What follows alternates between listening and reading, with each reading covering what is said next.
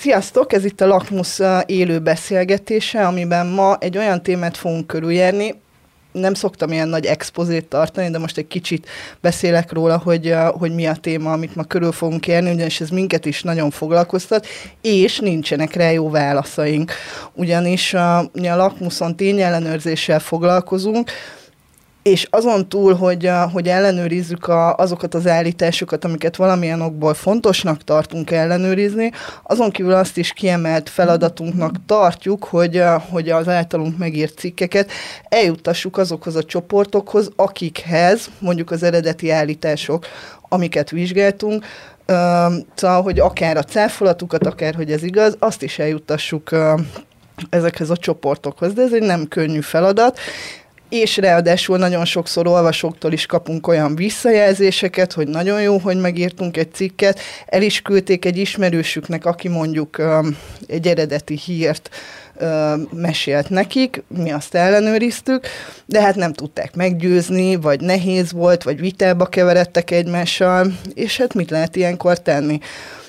Mm, nagyon sokan és sokféleképpen gondolkoznak erről, mi sem tudjuk tehát a jó válaszokat, de ezért hívtunk meg a Fajuna Nórát, aki egyrészt nyelvész, másrészt pedig kommunikáció elmélettel foglalkozik, illetve német Szilvit, aki viszont munkatársunk is a Lakmusznál, és szintén uh, sokféle módon vizsgálja a közösségi médiát, úgyhogy most velük próbáljuk meg kitalálni, hogy lehet-e vitatkozni az online térben, a közösségi térben, és hogyha igen, akkor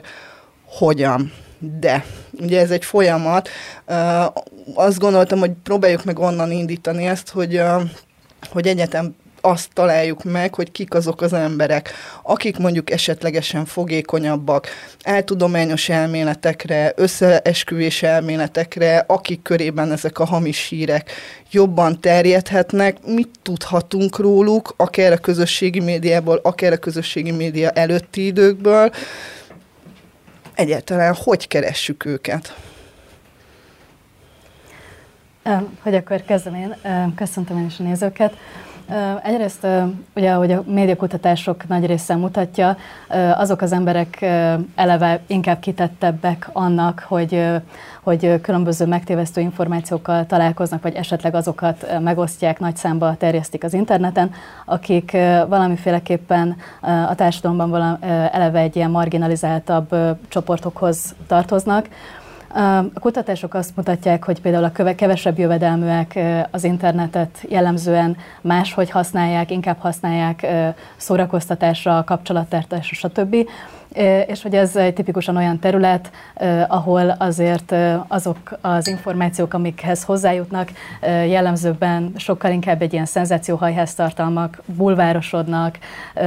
sokkal inkább túlzó állításokba hajló kijelentéseket tesznek, tehát mindenképpen próbálják ugye felhívni magukra figyelmet, és ezáltal becserkészni azokat a, az olvasókat, akiket egy lendő vásárlóközönségnek is tartanak bizonyos, tehát hogy a hirdetésekkel való árokapcsolás a fake news terén azért, azért elég jellemző, ugye mivel ők mondjuk az információ fogyasztáshoz, feldolgozáshoz, annak a detektálásához, hogy igazából milyen tartalmakat fogyasztanak, annak mi a forrása, az meg pedig tényleg óriási elvárás lenne, hogy például mondjuk egy ilyen tulajdonosi struktúrával is tisztában legyenek, hogy sokkal könnyebben megvezethetőbbek, és azért sokkal nagyobb a kitettségük az ilyen típusú tartalmak fogyasztása közben. Tehát, hogy az információ szegénység az mindenképpen egy olyan téma, amit szerintem itt ki kéne emelni. Ugyanakkor én, és hát nem csak én, de hogy hajlamosabb vagyok ezért ezt egy nagyobb keretbe vizsgálni, és szerintem ma, hogy az egész ugye epistemológiai válságról, vagy megismerési válságról beszélünk, a tények utániságról, igazság utániságról, bár ez ugye az akadémián egy eléggé vitatott téma, hogy ez egy elit diskurzus-e vagy sem, de mindenképpen azt gondolom, hogy a társadalomnak egy jóval nagyobb rétege érintett ebben, és ebben a politikának, a médiának is nagyon nagy szerepe van, hogy, hogy eddig eljutottunk. Ugye ez már egy unos, untalanul említett állítás, ugye 2016-ot így benchmarkként felsorolni, amikor Donald Trump és az amerikai elnökválasztás kapcsán ugye nagyon megszaladt egyrészt a bullshitelés, ami ugye mondhatni, hogy a, az igazsághoz nem is sok köze van, ez egy tipikusan olyan állításokat jelent, ami nem az igazság-hazugság skálán mozog, hanem egy olyan bemondások, amik, amik nem törődnek úgymond annak a következményevel, hogy vagy tényalapú állításokat tegyünk. Tehát itt már a politifact vagy a, a fact-checking iparág úgymond nagyon beindult. Donald Trump állításainak, politikai állításnak a több mint 70%-a volt hamis vagy, vagy megtévesztő állítás. Ugye Hillary Clintonnál is ugye ez egy elég magas szám, a 26%-on áll, tehát nem mondhatjuk azt, hogy ez csak az egyik oldala korlátozott, de jellemzően ezen a térfélen nagyon jelen van. De hogy kicsit kiszakadjunk ezekből az euróatlanti diskurzusokból, azért ez már sokkal korábbra is visszavezethető, tehát például egy ilyen, hogyha már az egészségügyi dezinformációról is lesz szó a későbbiekben, akkor például Dél-Afrika az járvány alatt azért ott rendesen állami szintű dezinformációs kampányok folytak, és több mint 300 ezer ember volt kitéve annak, hogy, hogy emiatt mondjuk nem fog megfelelő kezeléshez jutni, vagy esetleg az életét is veszélyezteti emiatt. Tehát azt gondolom, hogy hogyha már arról beszélünk, hogy milyen csoportok érintettek, akkor egyébként a fake newsnak is egy, egyfajta egy skálán beszélhetünk róla, amiben a propagandától kezdve, hogy mondom, a bullshiten keresztül a, a politikai szatíra is beletartozik. Tehát egyébként még Afrikáig se kell elmennünk, hogyha például a 2022-es magyarországi parlamenti választásokat nézzük, akkor például a saját kutatásunk is rámutatott arra, hogy, hogy milyen nagy mértékben jelen volt az a szürkezónás média, ahol azt se tudjuk, hogy ki milyen célból, ezt csak sejteni tudjuk, és nagyon sokszor mondjuk álcivilnek álcázott megszólásokat tettek a közösségi médiában. Tehát azt gondolom, hogy nem lehet ilyen nagy általánosságban beszélni arról, hogy ki a, ennek az érintettje, mert azt gondolom, hogy mindannyian vagyunk, és ugye ez is egy elég gyakran elhangzott mondás, hogy az élete során mindenki felült már összeesküvés elméleteknek, stb. Valószínűleg mi is nevettünk jó ízűen egy-egy olyan mémen, aminek az igazsághoz semmi köze nem volt, de lehet, hogy nem is ez volt a célja. Én is köszönöm a, a meghívást, ez nagyon sok gondolat jutott eszembe itt a, a Szilvi mondandója közben, meg a kérdés ö, kapcsán is. A, én is azt emelném ki elsősorban, hogy amikor arról beszélünk, hogy ö, nyilván az álhír fogalmaz egy nagyon tág, tág fogalom, a kicsit szinonimája is a dezinformációnak, kicsit azért vannak is fogalmi különbségek, de mondjuk ha áltudományos tartalmakról, meg összeesküvés elméletekről beszélünk, amik a pandémia alatt azért ezek váltak a legszembetűnőbb, vagy a leg, leginkább terjedő dezinformáció típusokká, akkor ugye azt mondhatjuk, hogy a a szakirodalomnak van egy, van egy olyan része, ami szereti kiemelni az intelligenciának a hiányát, vagy a műveltségnek a hiányát, annak okaként, hogy valaki mondjuk fogékonyá válik egy bizonyos áltudományos tartalom, ra, vagy egy összeesküvés elméletre, de azért önmagában ez nem mutatója annak, hogy valaki fogékonyá válik. Nagyon sok olyan pszichológiai ö, működésünk, pszichológiai hajlamunk van, ami mindenkit valójában fogékonyá tesz áltudományokra, összeesküvés elméletekre, akár ö, álhírekre is. Ezeknek azért a tematikája is befolyásolja, hogy ki lesz ő adott esetben fogékony, mert hogyha egészségügyi dezinformációról, vagy az egészségügyet érintő áltudományos tartalmakról beszélünk, akkor több olyan kutatás kimutatja azt, hogy az ilyen különböző csodaszerekre, csodatermékekre, csodaelméletekre sokkal inkább fogékonyabbak a felső középosztálybeli egyébként értelmiségi ö, ö, emberek, akiknek nyilván, ö, nyilván több oka is lehet ennek. A, az egyes kutatások azt is kiemelik mondjuk ezzel kapcsolatban, hogy ők mondjuk megtehetik, hogy különféle ő, túlárazott csodatermékeket ő, ő, vásároljanak, és ne szoruljanak mondjuk a a, az egészségügyi rendszernek az ellátásaira, tehát ez is, egy, ez is egy érdekes szempont. Másfelől, hogyha az összeesküvés elméleteket nézzük, hogy azok, azok miről szólnak, ugye általában valahogy a, valahogy a világ eseményeire egy ilyen alternatív magyarázatot fogalmaznak, meg. Általában olyan esetekben kerülnek elő, amikor egy, egy olyan történés köré szövődnek, ami egy kicsit érinti az embereket érzelmileg, a félelmeiket, egyebeket, vagy mondjuk a kiszolgáltatottságukra, aggodalmaikra, a, a hierarchia viszonyokra próbálnak mondjuk reflektálni ezeken, ö, ezeken keresztül, de nyilván a tematika is alakítja azt, hogy adott áltudományos elméletre, vagy adott összeesküvés elméletre éppen ki lesz, ki lesz fogékony. Amit ö, én fontosnak tartunk még ezzel kapcsolatban kiemelni, az az a fajta hát egyfajta spirál, ami az embereket ebbe be tudja hozni, hiszen ha valaki egy ilyen elméletet mondjuk elhisz, akkor sokkal fogékonyabbá válik arra, hogy a hasonló logikával működő és egyébként hasonló kommunikációt folytató más áltudományos tartalmakra vagy összeesküvés elméletekre is fogékony legyen, amire rátesz egyébként a közösségi médiának a működése, azok a különféle personalizáló és egyéb algoritmusok az online felületek mögött, amik reagálnak arra, hogy XY bulvárpszichológiai teszteket tölt ki, meg laposföldelmélet iránt érdeklődik, akkor neki be fogja hozni a feedjébe az oltás ellenes csoportokat és egyebeket is, illetve nem csak a a kognitív működés, meg az online algoritmusoknak a működése releváns ebben, hanem az a kommunikáció, az a retorika, ami megjelenik az ilyen, ö, ilyen tartalmakban, amik hasonló metaforákkal, hasonló motivumokkal, hasonló szimbólumokkal próbálják magukat hitelessé tenni, vagy legalábbis megszólítani az embereknek akár az érzelmeit, akár a, a szubjektív hiedelmeit, akár egyéb más ö, ö, pszichés, ö, pszichés dolgait, illetve ö, ez a post-truth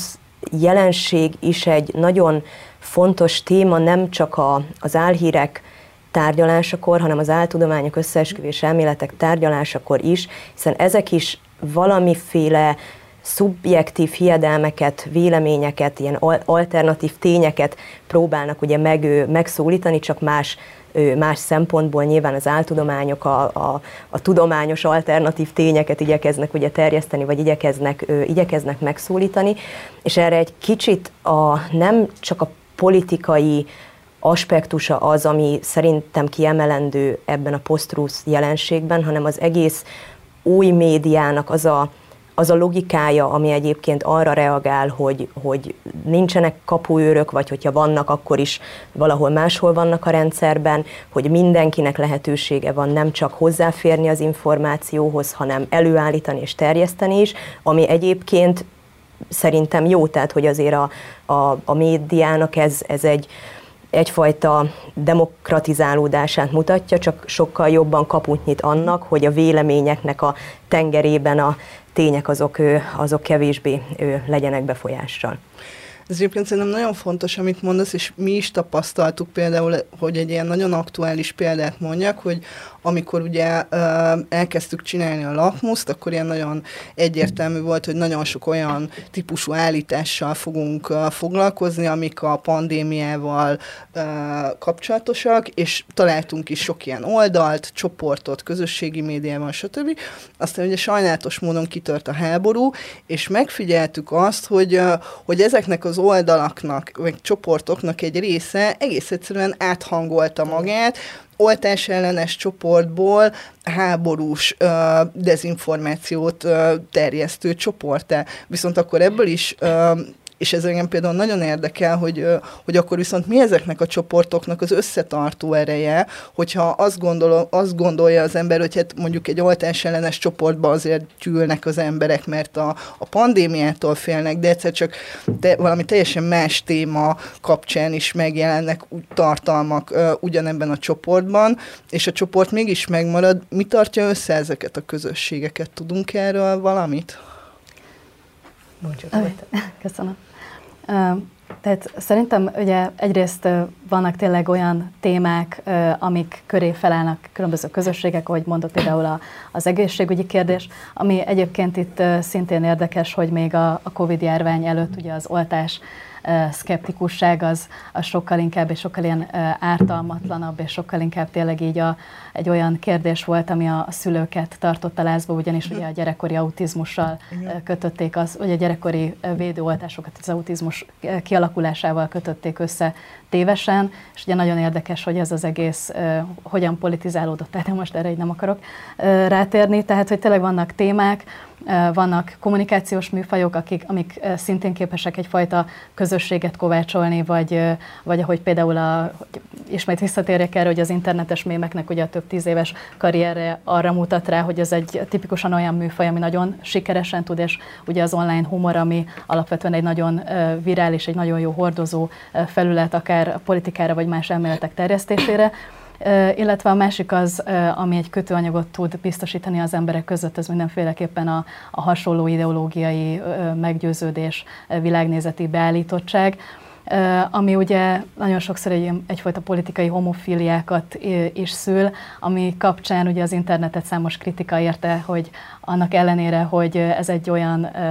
a tudások, vélemények, tartalmak tárháza, ami legvégtelen, nagyon különböző témák elérhetők, és az emberek ennek ellenére is bezáródnak különböző gettókba, különböző akár falak körülvett ilyen közösségekbe és hogy ez a, ez a bezárkózás, ugye ennek vannak praktikus okai is. Egyrészt az, hogy a, a, a figyelmünk az egy, az egy határos dolog, tehát hogy a, az információs gazdaságban ugye lehet, hogy az információ végtelen, de a figyelem az egy, egy véges erőforrás. A másik pedig az, hogy hogy az online térben az egyik legfontosabb munka, amit el kell végeznünk, az ugye ez az identitás munka, hogy folyamatosan kommunikáljuk azt, hogy kik vagyunk, mi meghozzuk a határainkat, és Ugye ebben a térben leginkább azért kényszerülünk erre, mivel egyrészt egy ilyen fizikai jelenlétet nélkülözünk, tehát hogy a testetlenül vagyunk úgymond jelen, másrészt pedig, ahogy a Nóra is említette, ugye ennek a médiatérnek egy iszonyatos szétszabdaltságával kell szembesülnünk, számos platformon vagyunk egyszerre, tehát hogy nincs már meg az a nagy egybefüggő médiatér, amit mindenki néz, ami mindenkinek az azonos kódjait meghatározza, és ezért folyamatosan ugye ezzel a határmunkával kell küzdenünk, hogy kialakítsuk, hogy ki vagyunk mi, és ugye ezt mindig valaminek az ellenébe fogjuk megfogalmazni. Ugye ezek a kutatások, hogy egy-egy virtuális közösség az, az mitől működik, hogy mit tesz hozzá az emberek életéhez, vagy egyrészt mennyire egy technológiai meghatározottságú, mert ezek mégis azért nem egy ilyen természetes viszonyok, hanem ezek elég komoly ilyen társadalommérnöki folyamatoknak a része, hogy mi hogyan kommunikálunk egymással írásban, hiperlinkekkel az online térben. Tehát a 90-es évektől, tehát, hogy a, a, az internet, vagy a lakosság internet megjelenésétől ez, ez, a, ez a kérdés fogva tartja a kutatókat, hogy ezek a virtuális közösségekből mit profitálnak az emberek, és szerintem azok a válaszok, amit a 90-es évek elején megfogalmaztak, ezek nagyon sok esetben a mai napig is állnak, sőt egyre hatványozottabban ö, ö, jelentkeznek. Az egyik ez a társadalmi izolációnak a kérdés, hogy az emberek egyre inkább elszigeteltek egymástól, egyre kevesebb olyan konfidantjuk, olyan bizalmi emberük van, akivel akivel megoszthatják a véleményüket, azonos állásponton vannak, stb. Tehát, hogy ez a társadalmi tőkének a radikális, hogy az erodálása vagy elvesztése, hogy egyre kevésbé bízunk meg egymásban, egyre kevésbé bízunk meg a, az intézményekben. A másik, hogy ezeket a közösségeket ö, sokszor az is egy elég gyakorlati szempontból kényelmi kérdés és életben tartja, hogy az internet, mint egy olyan információs tér, ahol rengeteg, sőt a az információ és az elérhető tartalom túltánk, muszáj egyszerűen olyan szelekciós elveket bevezetnünk, amelyek bizonyos mértékben megszűrik azt, hogy mi az, ami számunkra releváns, mi az, ami számunkra egy fontos tartalom. Emellett pedig már akkor megfogalmazott a mainstream média, vagy a mainstream nyilvánosságnak a kritikája, ami ugye nem enged meg bizonyos fokú ilyen véleménypluralizmust, vagy bizonyos véleményeknek a megnyilvánulását favorizálja, és azért egyre több ember érezte úgy, hogy nem mutatja be a, a saját nézőpontjukat. Úgyhogy ez egyrészt egy ilyen reprezentációs válsággal is összefügg, és ugye maga az, hogy ezt a, különböző internetes platformokon, azóta felnőtt a közösségi média, stb. a különböző platformok teljesen különböző típusú közösségeket hívnak életre, attól kezdve, hogy anonimak a megszólalók, van-e adminisztrátor, hogyha azt nézzük, hogy mondjuk a QAnon az milyen ilyen különböző imageboardokon, forcsan, étcsenen terjedt, és ott hogyan épült fel ez az egész konspirációs elmélet, tehát hogy ez szerintem nagyon egy ilyen platform specifikus meghatározás. A, nekem az jutott eszembe, hogy az az egyik nehézsége ennek a, ennek a kérdésnek a megválaszolásának, hogy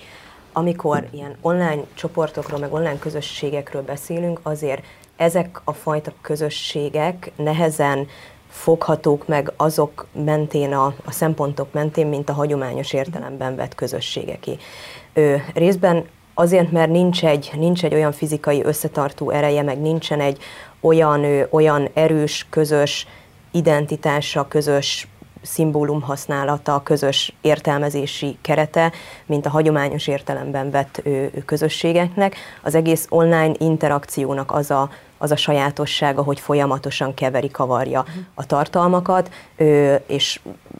bárhonnan bárki bármikor csatlakozhat mondjuk egy ilyen csoportba, egy ilyen közösségbe, lehet, hogy nem is egy valós személy, hanem csak egy hamis profil, hamis identitással vesz részt mondjuk ebben a, ebben a, a csoportban, különféle tartalmakat lehet ugye megosztani mondjuk egy adott közösségi oldalon működő csoportban, úgyhogy emiatt nehéz ezeket egy ilyen homogén csoportként vagy homogén közösségként értelmezni, és ezáltal mondjuk a, az ott kialakuló áltudományos vagy összeesküvés elméletre is azt mondani, hogy az egy nagyon letisztult és, és homogén elmélet, mint, mint mondjuk egy tudományos elmélet, aminek megvan a, megvan a maga a főbb ő, ő, terminológiája, meg a főbb ő, elméleti vonatkozásai, azért ezek az interakcióban alakulnak. És a, részben azért is, amit még az előző, előzőekben mondtam, hogy ezek azért összekapcsolódnak a, az emberi fogékonyság miatt is, illetve amiatt is, ahogyan az algoritmusok keverik össze ezeket a tartalmakat,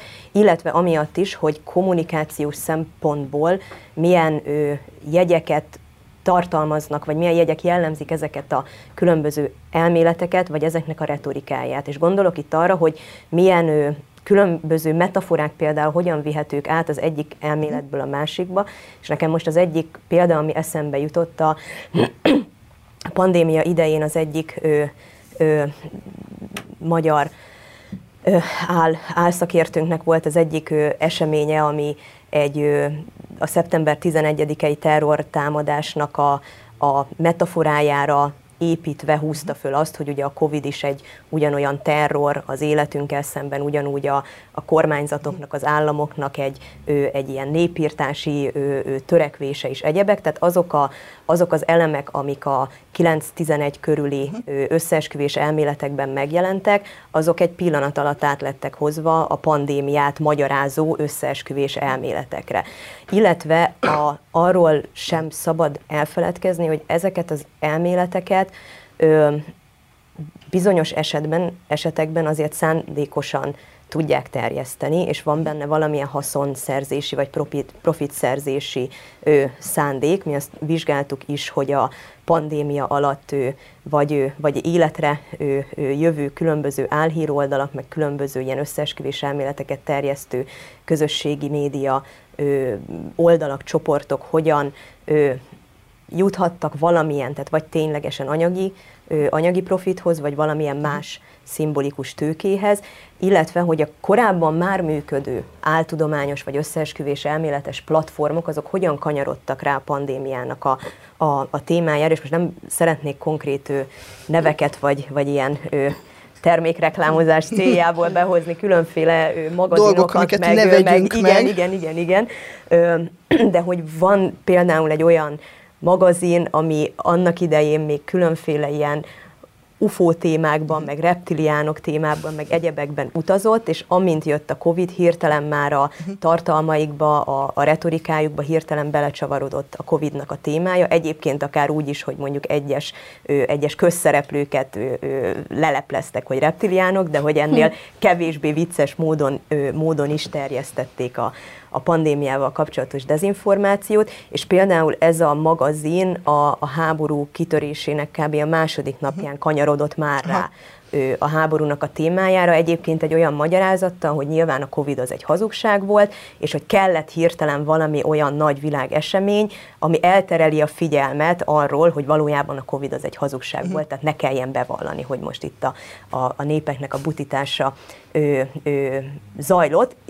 per vagy, vagy egy új népírtási törekvés az, ami, uh-huh. ami, ami éppen zajlik, tehát hogy ezek nagyon jól egymásba tudnak fonódni, egymás érvelési alapjává, vagy egyébként egymás következtetésévé is tud válni két különböző, akár áltudományos, akár, akár összeesküvés elmélet. Egyébként mind a ketten érintettétek ezt, és szerintem ez egy fontos dolog, amit szerintem így érdemes rögzíteni, hogy, hogy maga a közösségi média egyrészt ugye működéséből, másrészt pedig uh, nyilván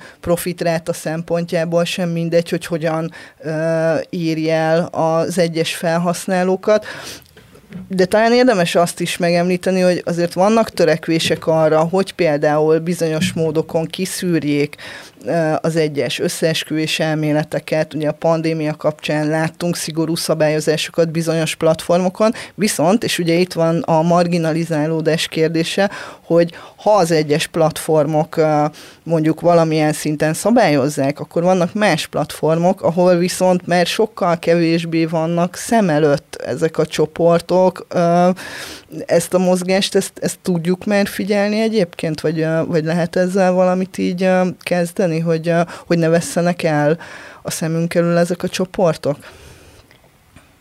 Ez egyébként egy nagyon jó kérdés abból a szempontból, hogy, hogy jobb-e az, hogyha működnek, de mhm. legalább szem előtt vannak, mint hogyha letiltjuk őket mondjuk a Facebookról, YouTube-ról, és átvándorolnak a Telegramra, a Mevére és egyéb, egyéb a közösségi médiának a mély, mély bugyraiba, ahol viszont meg már nem tudjuk Igen. nyomon követni azt, ahogy, ahogy működnek, és ez azért is egy, azért is egy fontos kérdés, mert a számos ilyen elmélet tud átfordulni kifejezetten ilyen szélsőséges megmozdulásokba, és pont a pandémia idején volt is egy olyan ö, ö, magyar ilyen összeesküvés elméletet hirdető csoport, aminek két tagját le is tartóztatták, mert egy adott ponton már a Facebookon ö, ö, buzdították a követőiket arra, hogy egy listázott ö, közéleti szereplőket öljenek meg így csoportosan, és, és hogy annak lett azért elég, elég, elég súlyos következménye, és megjegyzem, hogy egyébként a, a, a, a magyar viszonylatban működő pandémia során a, a tisztánlátó szakértőink ö, is, azok közül is többen, többen voltak, akik uh-huh. ezzel a csoporttal valamilyen kapcsolatban álltak. Ez is egyébként a különböző nézetek, elméleteknek az összefonódására uh-huh. egy jó példa, illetve arra is, hogy hogyan lehet egy egyébként valamelyest ártalmatlannak tűnő elméletből mhm. eljutni egy nagyon szélsőséges megmozdulásba. És ez egyébként tényleg egy probléma, hogy a, az, hogyha a közösségi oldalakra van bízva az, hogy ők tiltsák, töröljék, tüntessék el ezeket a, ezeket a tartalmakat, ez egyrészt nem biztos, hogy, hogy, hogy túl jó, hogyha, hogyha egyébként ilyen magántech cégek kezébe van az, hogy kiszólalhat meg a nyilvánosságban, és ki nem. Tehát nem biztos, hogy ez a legjobb megoldás, hogyha mindent, mindent rábízunk a Facebookra, hogy töröljön, amit jónak lát. A másik pedig az, amit, amit felvetettél, hogy a, a probléma kezelésében az mennyire jó, hogyha egyébként átvándorolnak mm. olyan felületekre, amikre viszont már egyáltalán nincsen, nincsen rálátásunk. Ugyanakkor, bocsánat, szóval, hogy igen, az ándó kérdés, hogy beavatkozzunk-e vagy sem, vagy milyen szinten kiavatkozzon bele. Azt gondolom, hogy igen, ez, ez most egy, egyébként a tech cégeknél is egy elég ilyen kísérleti stádiumban van örökké ez a projekt, tehát uh, valamilyen dolgokat kivezetnek, aztán visszavezetnek, mégsem működik, valahogy máshogy formálják át, de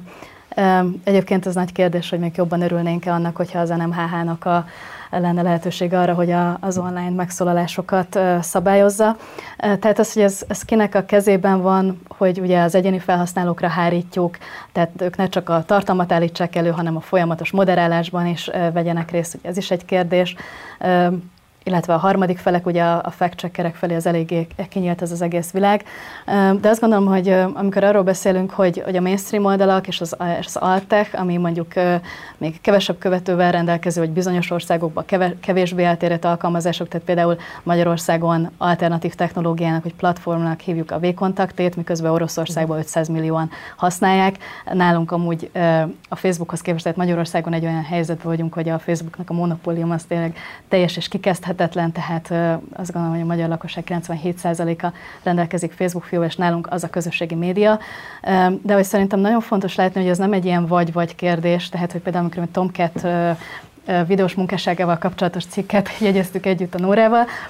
akkor azt vettük észre, hogy ez nem az történik, hogy egy ideig használta YouTube-ot, és letiltja, egy ideig használta a Facebookot, és átmigrált valami másik csatornára. Nyilván ilyen dolgok is vannak, de hogy szerintem nagyon fontos, hogy ezt egybekezdjük. Tehát van egy olyan információs ökoszisztéma, ahol a különböző alkalmazásokat különböző célokra használják. Tehát itt vannak például a végpontok közötti titkosításokat alkalmazó különböző ilyen üzenetküldő alkalmazások, mint a Signal, a Telegram, a WhatsApp is mondjuk az kevésbé titkosított, eh, ahol mondjuk eh, az embereket eh, akikkel már alapvetően felvettük a kapcsolatot, lehet mozgósítani, eh, különböző akcióterveket kidolgozni, stb. Tehát ezek koordinációra használják, akkor ott van a YouTube, a Twitter, a Reddit, azok az oldalak, amik ilyen specializált érdeklődéseket szolgálnak ki, de azért a mainstream felé is kikacsintanak, ezek inkább ugye rekrutálják, tehát hogy, hogy bizonyos dolgokat ugye egy fellebbentünk így érdekesség szintjén, és ezzel bevonzunk olyan, főleg a fiatalokat, vagy az erre fogékony új követőtábort, akkor utána megint ott van egy másik szelet, ami, ami ugye ez a felszíni a, a, a mainstream média platformok, amik viszont egy, egy sokkal szélesebb, ugye a nagy közönségnek szóló, sokkal inkább ilyen lájtos tartalmak, de azért ahogy, és tehát ezt az egészet egyszerre kell kézben tartani, és egyszerre kell valahogy mozgósítani, kiátszva bizonyos szabályokat, tehát hogy igazából a közösségi, a nagy platformok is nagyon sokszor bejelentenek különböző elköteleződéseket, hogy különböző ilyen irányelveket fognak követni, de hogy ez nagyon sokszor tapasztaljuk azt, hogy vagy kapacitás hiány miatt, vagy valami technológiai gigszer miatt, ugye például a, az orosz-ukrán háború előtt is már, hiszem tavaly októbertől volt ez, hogy a, ez a ranking system valahogy meghibásodott, és igazából azokat a, a híreket, amiket a Facebookon különböző független fact problémásnak jelölték, azoknak sokkal nagyobb láthatóságot. Tehát ahelyett, hogy ezt Csodás. lenyomta volna, és eltüntette volna a szem előtt, egy 30%-a nagyobb globális láthatóságok volt ezeknek a tartalmaknak. Tehát, hogy ez illetve különböző trükkök is keringenek, most nem akarok tényleg tippeket adni, de például a, a, azt hiszem a Twitch-en vagy a TikTokon találkoztam ilyesmivel, hogy félig feltöltesz egy videót, azt a mobilról, aztán kilépsz, és desktoptól vagy folytatod, és akkor tehát, hogy egy csomó olyan dolog van, amivel ki lehet játszani azokat, illetve mi egyébként azzal, hogy magyar nyelven kommunikálunk főleg, az szintén mondjuk olyan előnyökhöz juttathat minket, hogy, hogy nyilván sokkal kevesebb olyan moderátor van, vagy aki anyanyelvi szinten tudja a, a magyar nyelvnek a szépségeit követni. Például ez most, hogy egy aktualitást is mondjak, ugye a Medvegyebnek volt kb. két napja egy ilyen telegram üzenete, ami egy sokak szerint egy gyűlöletbeszédet, ilyen burkolt gyűlöletbeszédet tartalmazott, az a I hate them angolul, magyarra már I, utálom Ukrajnát-ként lett lefordítva bizonyos Twitter profilokon, és ugye még a gyűlöletbeszédet általában ezek a nagy platformok, tehát angol nyelven jelent volna, hogy biztosan szűrik, addig magyarul ezek, ezek simán túlélik és átmennek, de Ugyanez vonatkozik például a, a Russia Today-nek, vagy a Sputniknek az adásaira, amiket ugye az Európai Uniós szabályozás tiltott le ugye még március elején, de hogy a Facebooknak a képfelismerő algoritmusa nem működik-e jól, vagy mi lehet az oka, de hogy ezek a tartalmak a mai napig megjelennek ezeken a felületeken. Jó, akkor menjünk át a, a felhasználói oldalra, mert szerintem fontos az, hogy így, vagy fontos az, hogy értsük, hogy hogy működnek ezek a csoportok, mi tartja össze őket, na de akik benne vannak, és mondjuk elkötelezetten hisznek abban, hogy nincsenek madarak, vagy hogy nincs Balaton, vagy na értitek, szóval, hogy, hogy valami, valamilyen ilyen típusú információra fogékonyak, és, és ezzel együtt élnek, és ez mondjuk akár így a mindennapjaikat is meghatározza, de valaki mondjuk lecsekkolja, és van Balaton. És mondjuk ezt megírja, hogy hello, srácok, itt van a Balaton. Csak Igen, igen, félve mondom ezeket a szavakat most, na de oda, tehát valaki kiírja, hogy nincsen Balaton, én meg beteszem alá a cikkemet, hogy de, oda mentem, belecsobbantam, ez itt a Balaton, meggyőztem, nem tudom, Valószínűleg nem, mert én egyedül vagyok, többen is elhiszik, hogy nincsen Balaton,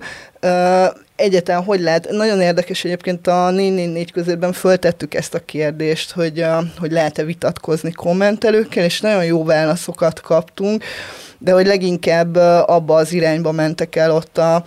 a vélemények, hogy hát konkrét kommentelőkkel vitatkozni nem nagyon lehet, inkább abba az irányba menjünk, hogy a kárt, amit esetlegesen okozni tudnak, azt próbáljuk megmérsékelni. De tényleg nem lehet vitatkozni?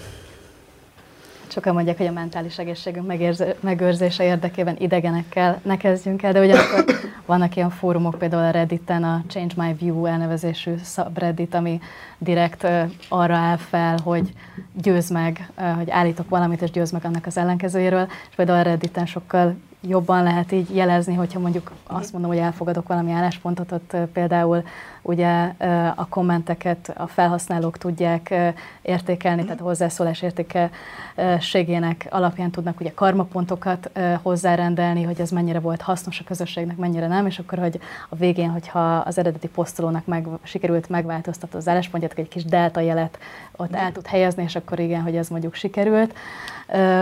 De vannak erről statisztikák? Nem tudom. De mondjuk ez egy olyan csoport volt, ami alapvetően egy ilyen uh-huh. nyitott gondolkodású, tehát szerintem ez nagyon fontos, hogy uh-huh. Facebookon egy csomó olyan zárt közösséggel találkozunk, ahol mondjuk egy tesztet ki kell tölteni, mielőtt tehát, hogy tényleg Fidesz szavazó vagy-e, kire szavaznál, hogyha most vasárnap lenne. Tehát, hogy egy csomó olyan, olyan uh, mechanizmus beépítenek, hogy ők nem akarnak uh-huh disszenzussal vagy ellenvéleménnyel találkozni ezeken a felületeken, ők önmagukba szeretnének lenni, és az adminisztrátorok mondjuk az első ilyen rossz poén, vagy egy rosszul megfogalmazott mondatnál kiteszik a szűrödet, tehát hogy ezt nagyon fontos eldönteni előre, hogy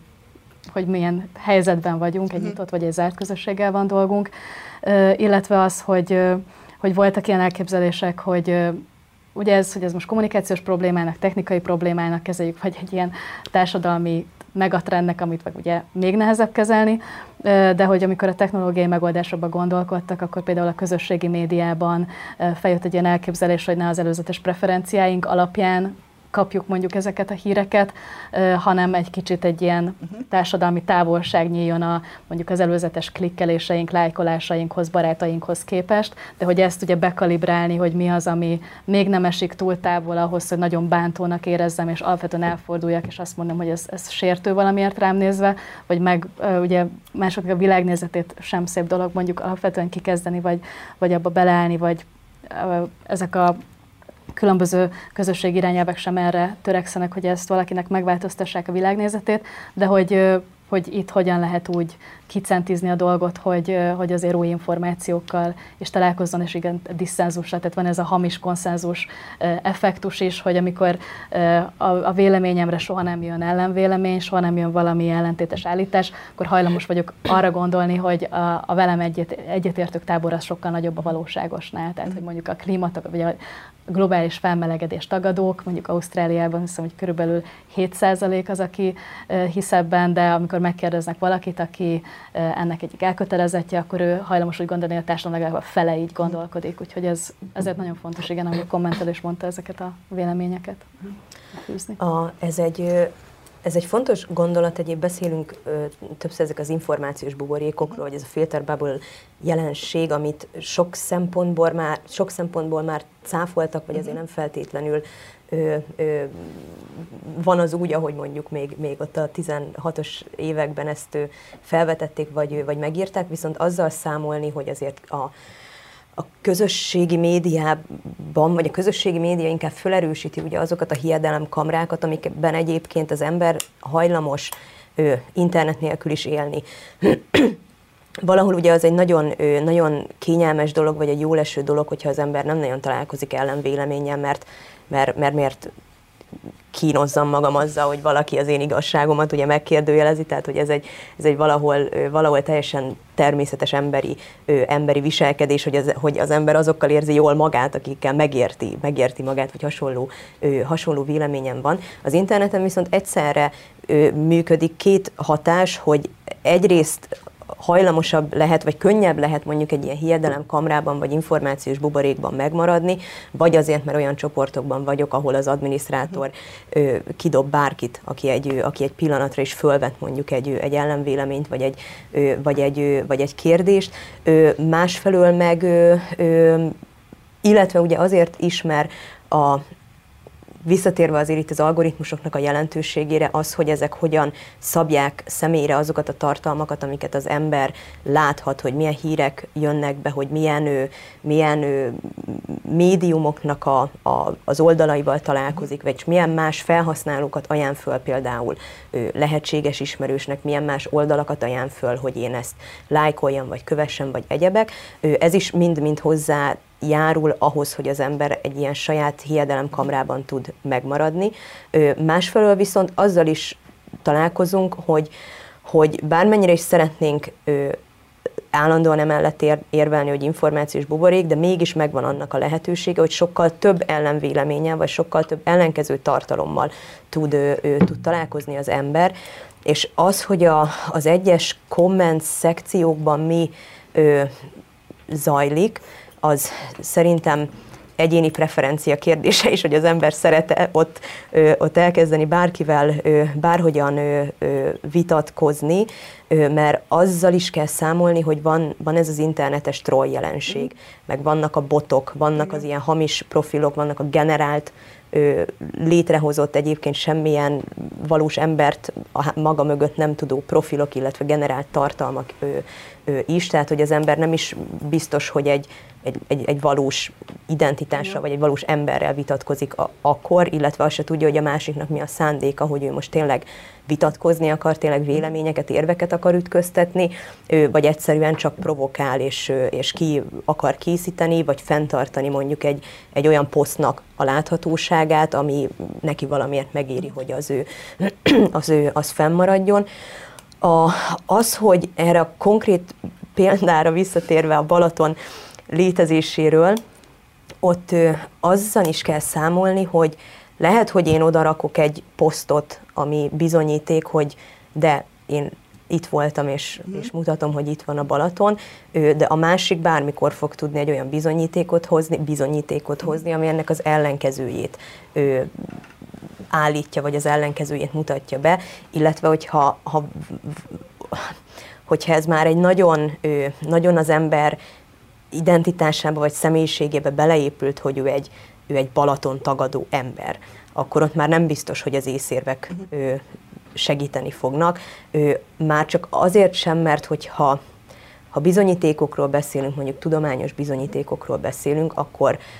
ő, az, az ember azért nem csak ő, tudományos ismeretek, meg szakismeretek alapján alakítja ki a saját véleményét, vagy hoz döntéseket, akár azzal kapcsolatban, hogy, hogy szerinte ez igaz, vagy nem igaz, akár azzal kapcsolatban, hogy, hogy én amellett döntök, hogy ezt a bizonyítékot tartom hitelesnek, vagy éppen azt a bizonyítékot tartom hitelesnek. És amiatt, hogy egy nagyon ö, kibővült azoknak a köre, akik tartalmat tudnak gyártani, információt tudnak, vagy, vagy látszólag információt tudnak ő, előállítani, és ezzel együtt dezinformációt is tudnak előállítani. A, a, a bizonyítékok, meg a, meg a látszólagos bizonyítékok és, a, és az ellenbizonyítékoknak a, a tárháza az, ő, az végtelen. Uh-huh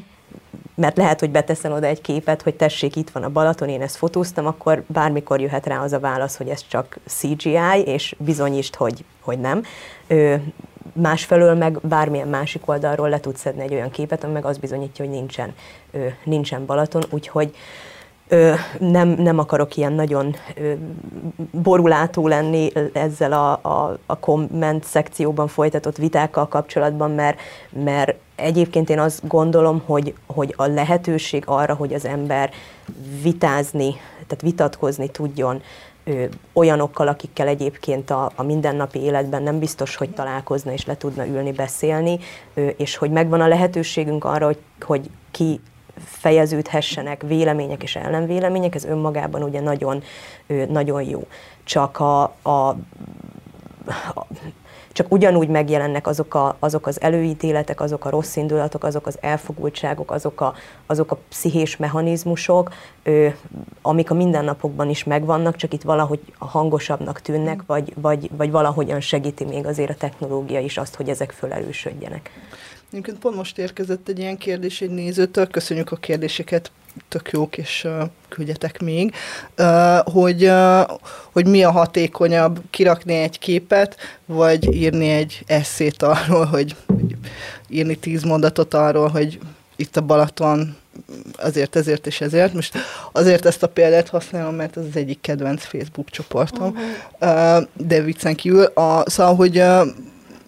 tulajdonképpen azért ez szerintem egy, egy ilyen kommunikációs kérdés, és ugye pont most tényellenőrzőként van egy ilyen vita arról, hogy, hogy a tényellenőrzés az nem egy ilyen nagyon fensőbbrendű dolog, ahol így meg akarják mondani valakinek, hogy mi az igazság, és nem tudom, de hogy valójában nem erről van szó, hanem tényleg utakat próbálnánk mi is keresni, és nekünk sincsenek erre jó válaszaink, mert hogy miközben ugye látjuk, vagy beszéltünk erről, hogy, hogy, hogy kik fogékonyak az egyes típusú ilyen tartalmakra, és látjuk azt is, hogy, hogy azért ennek van egy ilyen, egy ilyen technikai, technológiai háttere, ami, ami egy nagyon bonyolult mechanizmus, de valójában azért mégiscsak kommunikáció alapú társadalomban élünk, ahol, ahol vannak utak egymáshoz, de mi lehet ilyenkor a jó út, ha nem az, hogy lefényképezek valamit, és nem az, hogy írok róla egy százoldalas doktori diszertációt, akkor hogyan tudom a saját uh, érveimet mm. eljuttatni valakihez, akiről egyébként nem is tudom, hogy kicsoda. Szerintem egyébként ne legyünk ennyire posztmodernek, tehát a materiális valóságot ne, ne, ne próbáljuk elvitatni. Tehát szerintem például egyébként pont a 911 volt, vagy amikor a, az ikertornyok elleni támadás megvalósult, és ugye láttuk azokat a képeket, hogy ezek nek tényleg neki ütközött egy repülőgép, vagy beleszállt, tehát hogy ez volt az, amit nagyon sokan a valóság visszatéréseként jellemeztek egyébként, tehát azt gondolom, hogy olyan dolgokat elvitatni, hogy mondjuk egy templomot lebombáztak-e, vagy nem, vagy a Balaton, vagy tehát, hogy ez gondolom egy troll oldal, de hogy, hogy, hogy valójában, de ismerem, de, de nem hiszem, hogy ezt komolyan gondolják. Tehát azt gondolom, hogy, hogy például ennek a posztmodern gondolkodásnak, ami ugye a végletekig relativizálunk mindent, azt mondjuk, hogy nincsenek igazságok, hanem minden egyéni vélemények vannak, és száz olyan különböző szempontból meg tudok valamit fogalmazni, hogy, hogy egyszerűen nem tudok egy abszolútumot valami elé helyezni. De ugye ennek az egész gondolkodás fölött azért elhaladt az idő, és nagyon sokan mondják, hogy még a tudományban, vagy, vagy a gondolkodásban ez mondjuk így a 70-es, 80-as években egy ilyen tényleg egy ilyen domináns elméletnek számított, azért most például a klímaválság, tehát hogy amikor tényleg vannak olyan materiális folyamatok, amik bizonyíthatóak, ami mellett tudományos konszenzus van, ahol a bőrünkön érezzük, hogy igenis van felmelegedés, igenis vannak extrém időjárási helyzetek, stb., akkor e, ez, ez esetben ez a posztmodern gondolkodás, hogy nincs valóság, jelek vannak, jeleket manipulálunk, jeleket konstruálunk és dekonstruálunk folyamatosan, ez a logika így folyamatosan megbukik, nem tud már annyira érvként működni, vagyis igazából a jobb oldal az, ami a mai napig ugye tőkét próbál kovácsolni belőle, tehát azt gondolom, hogy például a, az egész klímatagadás, még ez mondjuk a 80-as években egy abszolút nem egy pártos kérdés volt, egy közmegegyezés volt arról, hogy ez egy igenis fontos kérdés, és ezzel tenni kell, akkor ezet az egész posztmodern érvrendszert azt hogyan tették magukévá annak érdekében, hogy különböző gazdasági státuszkókat bebetonozzanak. Úgyhogy amikor az a kérdés, hogy kép vagy szöveg, nyilván egy képi kommunikáció, új média, képi fordulat, tehát hogy mindenképpen a kép az sokkal erősebben fog kommunikálni. Ugyanakkor ahogy mi is a napi munkánkban tapasztaljuk, ugye vannak ilyen szoftverek, ahol uh, például egy, uh, ahogy te is mondtad, hogy mondjuk készült egy kép, és hogy az most egy videójátékból lett uh, kiemelve, vagy uh, össze lett photoshopolva, különböző képi elemekből van összemontázsolva, azért uh, rendelkezésünkre állnak olyan eszközök, ahol például el tudják dönteni, hogy különböző pixel sűrűség, vagy hol vannak inkonzisztenciák a képben. Uh, tehát azt gondolom, hogy uh, nem juthatunk el addig a pontig, hogy azt mondjuk, hogy uh, nem lehet az igazságot, tehát nem lehet soha eljutni egy olyan pontig, hogy pontot tegyünk a mondat végére, vagy, vagy eljussunk egy olyan következtetés, hogy kimondjunk valamit, hogy ez igenis így van, és nem megkérdőjelezhető. De azt gondolom, hogy itt azért muszáj különbséget tenni, mert, mert hajlamosak vagyunk így összemosni azokat, hogy, hogy ez is nem tudom, egy, egy álhír, meg az is egy álhír, tehát hogy gyakran szokták egyébként elővenni ezt a toposzt, hogy, a, hogy akkor a Kígyó-sziget, most az ukrajnai háború esetében, vagy a, vagy a Kiev szelleme, hogy ezek mekkora elhírek, és miért nem beszélünk például az ukrán elhírekről. De azt gondolom, hogy például ez, ez egy tipikusan olyan dolog, hogy a fikcióval, a mítoszokkal mindig is együtt éltünk, tehát az emberiséggel egyidős, és azt gondolom, hogy ha olyan mítoszokat teremtünk magunknak, ami tényleg valamiféle morált fejez ki, akár a bátorságról szól, akár az önvédelemről, akár a hazaszeretetről valami, akkor az, az nem egy olyan itt és itt pedig a szólásszabadság kérdésbe is bejelentkezünk, hogy ami az nem bánt, nem lép át egy olyan határt, ami mástól elveszi a megszólalás lehetőségét, vagy valakinek komoly ártalmakat okoz. Tehát, tehát szerintem itt azért érdemes különbséget tenni, amikor ezekről a témákról beszélünk. A remélem, ami eszembe jutott, ez nem a túlrelativizálásnak a csapdájába fog beleesni. A, nem, a, csak az jutott eszembe, hogy ö, amúgy a kérdésre alapesetben én is azt mondtam volna, hogy a, a képi anyag, tehát a vizuális anyagok azok sokkal ö, jobb bizonyítékok tudnak lenni, vagy sokkal hitelesebbek tudnak lenni, bár egyébként a, a szövegben sokkal könnyebb fölismerni a manipulációnak a, az egyes ő, ő elemeit, tehát a verbális manipuláció azért egy kicsit könnyebben azonosítható, mint a vizuális manipuláció. Ö, csak ugye az, az van, hogy megjelennek az új információ manipulációs technikák, például mondjuk a deepfake videók, mm-hmm. meg a ö, különböző VR ö, virtuális ö, valóságok és egyebek, és hogy, hogy ö, ezekkel is kell számolni, hogy egy adott, tehát lehet, hogy egy összemontázsolt fotót, vagy egy photoshopolt képet ö, fel tudunk ismerni, vagy tehát reálisan meg tudjuk állapítani, hogy itt valami, valami, ö, valami történt, de mondjuk ha a deepfake ö, technológia eljut majd arra a szintre, ami nem merül ki a, lövök egy szelfit magamról, és a alkalmazásban én leszek a Karib-tenger kalózai, meg egyebek, hanem, hanem mondjuk ténylegesen eljutunk oda, hogy, hogy közéleti szereplők, politikusoknak a szájába adnak olyan mondatokat, és hitelesen jól, jól kialakított, vagy jól ö, megformált ö, videóformában jelenik meg, akkor egyébként el fogunk jutni oda, hogy meg kell kérdőjelezni azt, hogy amit látok, az, uh-huh. az, az valós, valós-e. Uh-huh. És én azt gondolom, hogy egyébként ez egy reális, reális probléma, de értem, amit mondtál, és Nem, egyébként én egyet értettem. A, gondoltam végig, amikor a... mondjuk pörgetik, és akkor könnyebb hinni azoknak a képeknek, ahol egymás mellé van állítva az, hogy mi volt az eredeti felvétel, és hogy hogyan illusztrálom azt, hogy ez egy manipuláció, vagy tehát, hogy, azt igen, mondom, igen, hogy igen, ezt igen, a igen, feed igen, logikát igen, követve igen. ez jobban uh, ugye megragadja a tekintetet, mint hogyha bizonyos ilyen nyelvi finomságokat kell detektálni, az de mondjuk te vagy a nyelvész, meg művészettörténeti Jó, lehet, hogy azért gondoltam, hogy, hogy a verbális manipuláció jobban fel, ö, fel, ö, felismerhető. Ö, jó, így oké, oké, értem, és mondom, nem, nem akart, hogy alapvetően azzal, amit említettél, ez a posztmodernnek a, a megjelenése, meg már az ilyen poszt-posztmodernnek a, a, a, a felfutása az egyébként mindenképpen egy, a problémának egy része, és ezt az áltudományoknál, áltudományos ö, ö, tartalmaknál is elő szokott kerülni azért ennek a, ö, ennek a, a megjelenése, hogy, hogy tényleg minden, ö, minden tényt, mindent, amit valóságnak gondolunk, azt folyamatosan kételkedni, meg folyamatosan megkérdőjelezni, és a szónak nem, a, nem abban az értelmében, hogy, hogy nyilván a tudomány is úgy működik, hogy folyamatosan kérdéseket tesz föl, és folyamatosan ő, ő, meg akarja érteni a világnak a működését, és, és egyebek, hanem az, amikor már, már a, a legalapvetőbb konszenzuális dolgok is túl relativizálnak, ez egy problémaköre az áltudományoknak, problémaköre ennek az egész posztrusz jelenségnek, úgyhogy ennek én nagyon örülök, hogy egyébként ez, ez bejött a, a, az érvelésbe. Amit, ö, amit nekem eszembe jutott, és ez kicsit még kapcsolódik az előző kérdéshez is, hogy, hogy, hogy mennyire lehet vitatkozni, mennyire lehet, mennyire lehet egyértelműen megmondani, hogy most ez mi az igaz, vagy mi a, mi a hamis. A, én azt gondolom, hogy egy kicsit jobban meg kell érteni, hogy egyébként ezek a jelenségek miről szólnak. És most nem arra gondolok, hogy amikor valaki ő,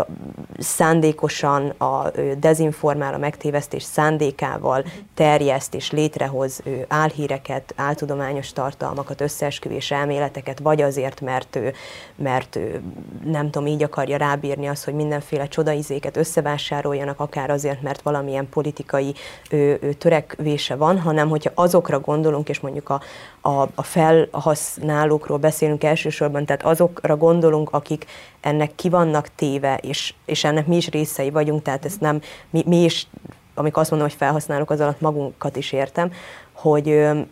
azt megérteni, hogy, az, hogy miért tűnik hitelesnek mondjuk egy áltudományos elmélet, vagy egy összeesküvés. Miért van szüksége az embereknek ezekre, a, ezekre az elméletekre, azon túl, hogy egyébként a, a különféle mítoszok, ezek a kitalációk, ő, ezek mindig is részei voltak a, a, az életünknek, és volt más szerepe is az életünknek, de mondjuk a, a pandémia körül kialakult dezinformációs ő, világnak a megértése az például kulcsfontosságú ahhoz, hogy tudjuk, hogy az emberek egyébként mire nem kapnak választ, vagy, vagy mik, mik azok az aggodalmak, amik kihozzák belőlük azt, hogy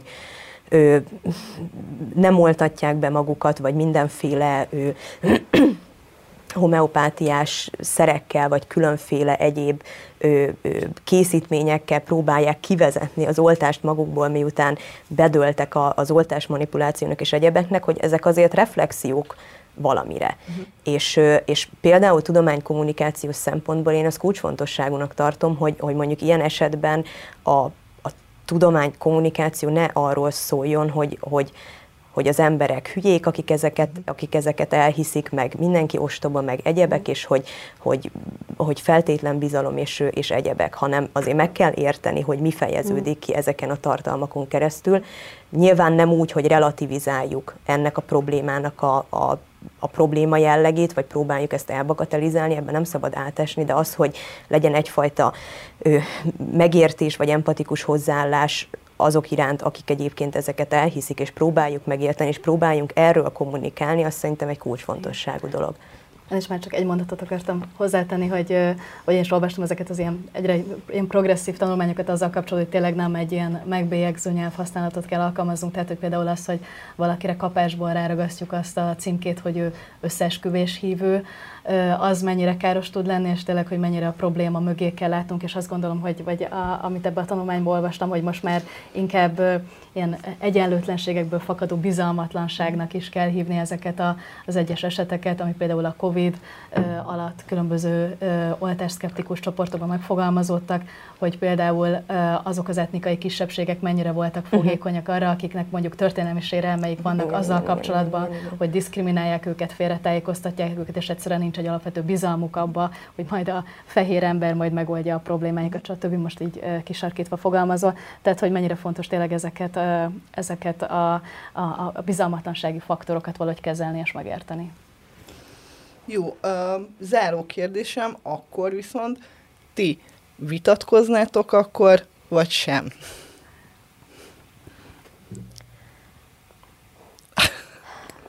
Azt hiszem nem. Nem. Élőben, uh, igen. Én sem gondolom, attól függ kivel, és hol. Igen. Van-e és pontosan miről. igen, igen. Okay. Nem, de egyébként tényleg, tehát, hogy a, én például most nagyon sok mindent fogok magammal vinni ebből a beszélgetésből a, a további munkánk során, ö, akár csak uh, ilyen empatikus szempontból is, de kommunikációs szempontból is. Nekem egyébként, csak hogy egy ilyen személyes dolgot mondjak, nekem például mindig az van a fejemben, amikor bármilyen cikket megírunk, amit egyébként az AFP-től az Elborsz kérde mondott, amikor ilyen képzésen vettünk részt, hogy ő például nagyon sokszor mérlegeli azt, hogy egy dolog, amivel foglalkozik, amit megír,